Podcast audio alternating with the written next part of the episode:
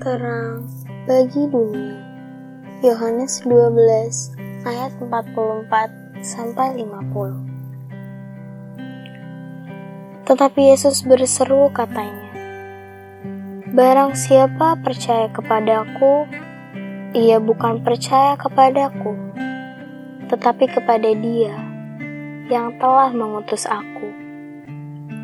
Dan barang siapa melihat aku, ia melihat dia yang telah mengutus aku. Aku telah datang ke dalam dunia sebagai terang, supaya setiap orang yang percaya kepadaku jangan tinggal di dalam kegelapan.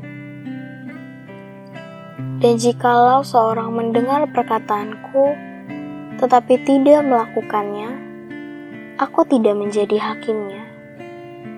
Sebab aku datang bukan untuk menghakimi dunia, melainkan untuk menyelamatkannya.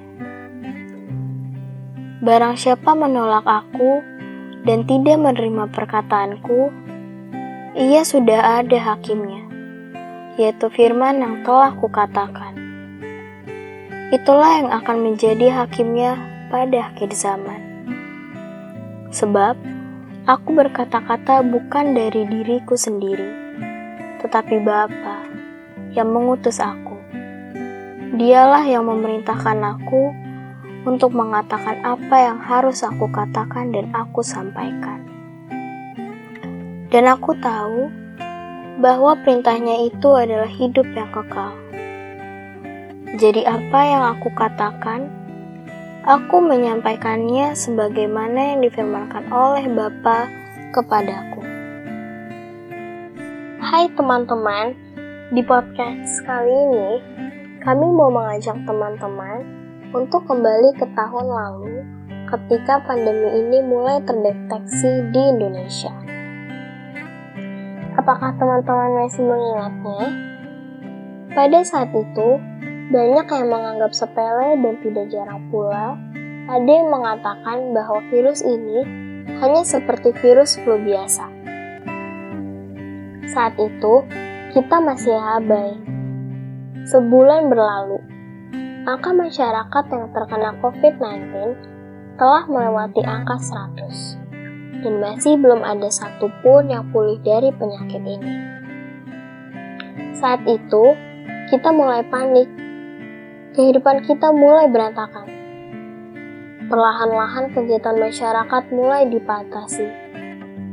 Fasilitas umum mulai ditutup perusahaan mulai memperlakukan kerja dari rumah. Bahkan PHK massal mulai terjadi. Kekacauan ini semakin parah ketika mulai beredar isu akan diberlakukan lockdown seperti negara lain. Masyarakat mulai panik dan memborong semua persediaan makanan, masker, dan hand sanitizer yang ada di supermarket tanpa memikirkan orang lain. Tak jarang pula, ada beberapa oknum yang memanfaatkan kondisi ini dengan menimbun masker untuk meraup keuntungan yang tinggi. Lalu, masih ingatkah teman-teman apa yang diri kita lakukan saat itu? Ikut panik dan memborong semua, atau malah abai? Tanpa kita sadari, semua yang kita lakukan hanya demi kepentingan diri kita sendiri. Dalam Yohanes 12 ayat 46 tertulis, Aku telah datang ke dalam dunia sebagai terang, supaya setiap orang yang percaya kepadaku jangan tinggal di dalam kegelapan. Ayat ini merupakan ayat yang Tuhan Yesus katakan kepada murid-muridnya pada saat itu dan kepada kita saat ini. Hal ini berarti, jika kita percaya kepada Yesus, maka kita merupakan anak-anak terang.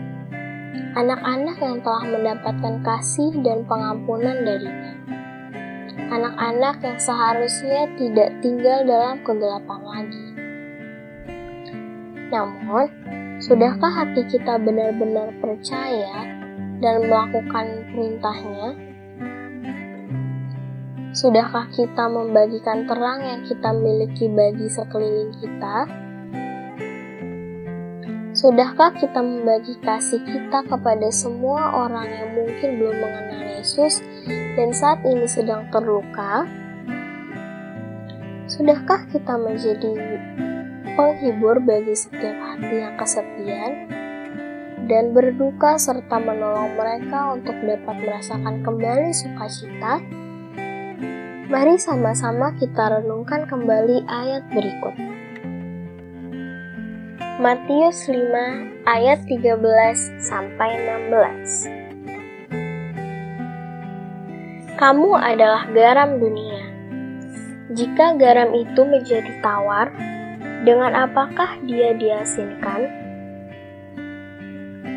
Tidak ada lagi gunanya selain dibuang dan diinjak orang. Kamu adalah terang dunia. Kota yang terletak di atas gunung tidak mungkin tersembunyi. Lagi pula, orang tidak menyalakan pelita lalu meletakkannya di bawah gantang, melainkan di atas kaki Dian sehingga menerangi semua orang di dalam rumah itu. Demikianlah hendaknya terangmu bercahaya di depan orang, supaya mereka melihat perbuatanmu yang baik dan memuliakan Bapamu yang di sorga. Kini, keadaan kita sudah mulai membaik. Puji Tuhan, vaksin sudah ditemukan dan sedang didistribusikan. Grafik masyarakat yang terkena COVID-19 juga perlahan menurun. Roda perekonomian mulai bangkit. Puji Tuhan, ia masih memberikan kekuatan bagi kita untuk melewati segala permasalahan setahun terakhir. Dan puji Tuhan, ia akan tetap menyertai kita di masa depan. Puji Tuhan, walaupun kondisi yang kita lewati berat, ia masih menganugerahi kita dengan damai sejahtera dan pengharapan dalam hati kita. Namun, Bagaimana dengan teman kita yang lain yang mungkin belum mengenal Sang Damai? Lewat renungan Prapaskah hari ini, kita diingatkan kembali untuk terus membangun hubungan yang intim dengan Sang Terang.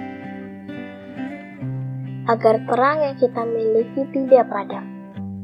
Sehingga kita juga dapat membagikan terang ini bagi mereka yang sedang kehilangan arah.